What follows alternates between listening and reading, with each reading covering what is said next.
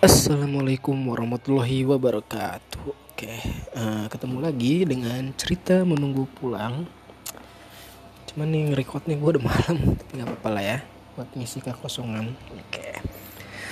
Um, hari ini gue mau menceritakan tentang sejarah untuk umat Muslim mungkin ya, yang lebih ini umat Muslim di Indonesia. Kenapa gue bilang sejarah? Karena sepengetahuan gue baru tahun 2020 atau 1441 Hijriah masyarakat muslim Indonesia itu menjalankan ibadah puasa dengan hal yang berbeda. Mungkin buat kalian yang sekarang mendengarkan podcast ini kalian pasti tahu. Tapi buat kal buat uh, kalian yang mendengarkan podcast ini 10 atau 15 atau 20 tahun setelah tahun 2020 nah ini mungkin bisa jadi sejarah dan bisa kalian ketahui bahwa tahun 2020 uh, eh, tahun ini tahun 2020 itu terjadi wabah. Terjadi wabah dan hampir semua negara di seluruh dunia itu terkena wabah ini itu virus uh, corona atau covid-19 lah. Seperti itu. Dan dampaknya hampir semua sektor masyarakat hampir semua uh, aktivitas manusia terkena dampak termasuk ibadah. Di bulan puasa 1441 Hijriah ini bulan Ramadan masyarakat muslim di Indonesia itu menjalankan ibadah eh, sangat berbeda dari tahun-tahun sebelum-sebelum sebelum sebelumnya. Kan mungkin mulai dari awal mula Islam itu masuk Indonesia mungkin baru kali ini mungkin ya gue nggak tahu. Tapi mungkin baru tahun ini masyarakat Indonesia menjalankan ibadah hampir semua ibadahnya itu di rumah. Hampir semua ibadahnya di rumah mau yang wajib mau yang sunnah. Tuh, hampir semua yang biasa dilakukan secara rutin di masjid harus dilakukan di rumah. Bahkan sampai lebaran pun sampai lebaran pun yang biasa dilakukan di tanah lapang mereka harus menjalankannya di rumah.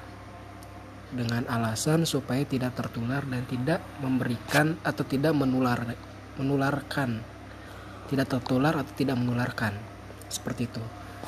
Nah, e, dari segi Islam ini semua sudah ada e, tuntunannya atau sudah ada contohnya atau sudah pernah sudah pernah dilakukan oleh Nabi Muhammad SAW. Itu ketika e, beliau menghadapi wabah gitu.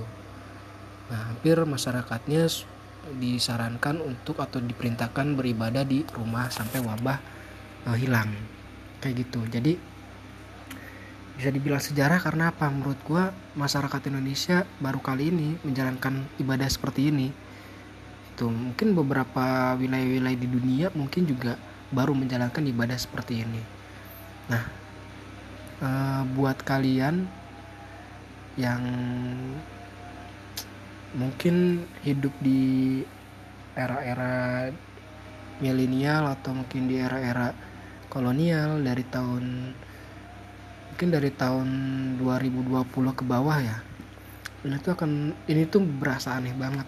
Tuh ini tuh berasa aneh banget. Mungkin gua nggak tahu kalian yang di atas tahun 2020 akan seperti apa. Tapi uh, menurut para pakar virologi virus virus corona ini akan ada terus sampai akhir zaman. Kayak gitu. Jadi penanganannya pun uh, mungkin akan sama terus seperti ini gitu kan sampai ketemu antivirusnya. Seperti dan menurut kabar juga antivirus itu baru ketemu dua tahun atau mungkin baru bisa digunakan dua tahun setelah virus itu uh, diketemukan. Kayak gitu. Jadi dari dua tahun ya mudah-mudahan sih bisa secepatnya. Kita sangat kita berdoa terus bahwa uh, antivirusnya bisa ketemu secepatnya. Gitu. Dan eh, saran gua buat semua yang denger podcast hari ini tuh kalian uh, benar-benar harus bisa bersyukur karena kalian masih bisa menjalankan ibadah sesuai tuntunan ya kan? Coba kalau kalian tidak bisa menjalankan ibadah sama sekali itu pasti sangat rugi ya kan? Itu karena kalian tidak bisa uh, beribadah ya kan tidak bisa menikmati beribadah. Cuman uh, umat muslim di Indonesia pada tahun ini sangat bersyukur kita masih bisa diizinkan oleh Allah beribadah di rumah.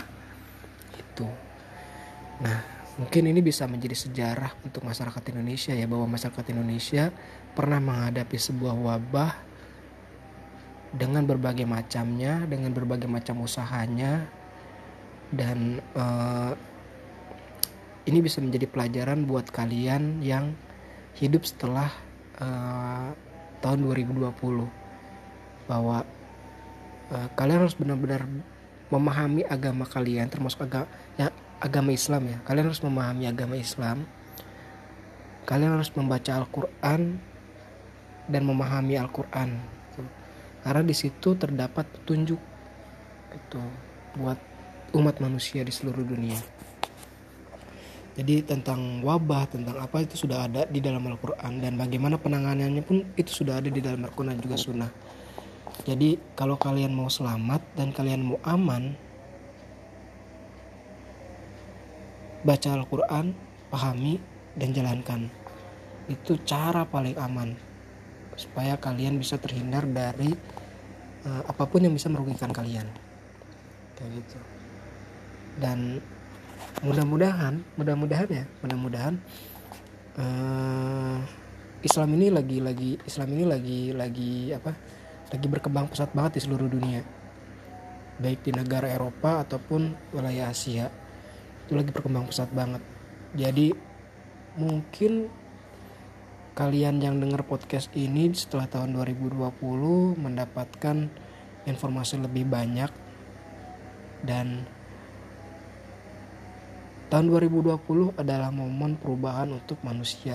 Dari segi apa pun. Dari segi apa pun. Jadi buat kalian yang lahir di tahun 2020 atau mungkin mendapatkan masa kecil di 2020 sebelum 2020 dan sesudah 2020 kemungkinan akan berbeda. Kayak gitu. Jadi uh, eh, 2020 adalah momentum untuk umat manusia itu sejarahnya. Oke segitu aja dari dari gua tentang cerita menunggu pulang hari ini. Assalamualaikum warahmatullahi wabarakatuh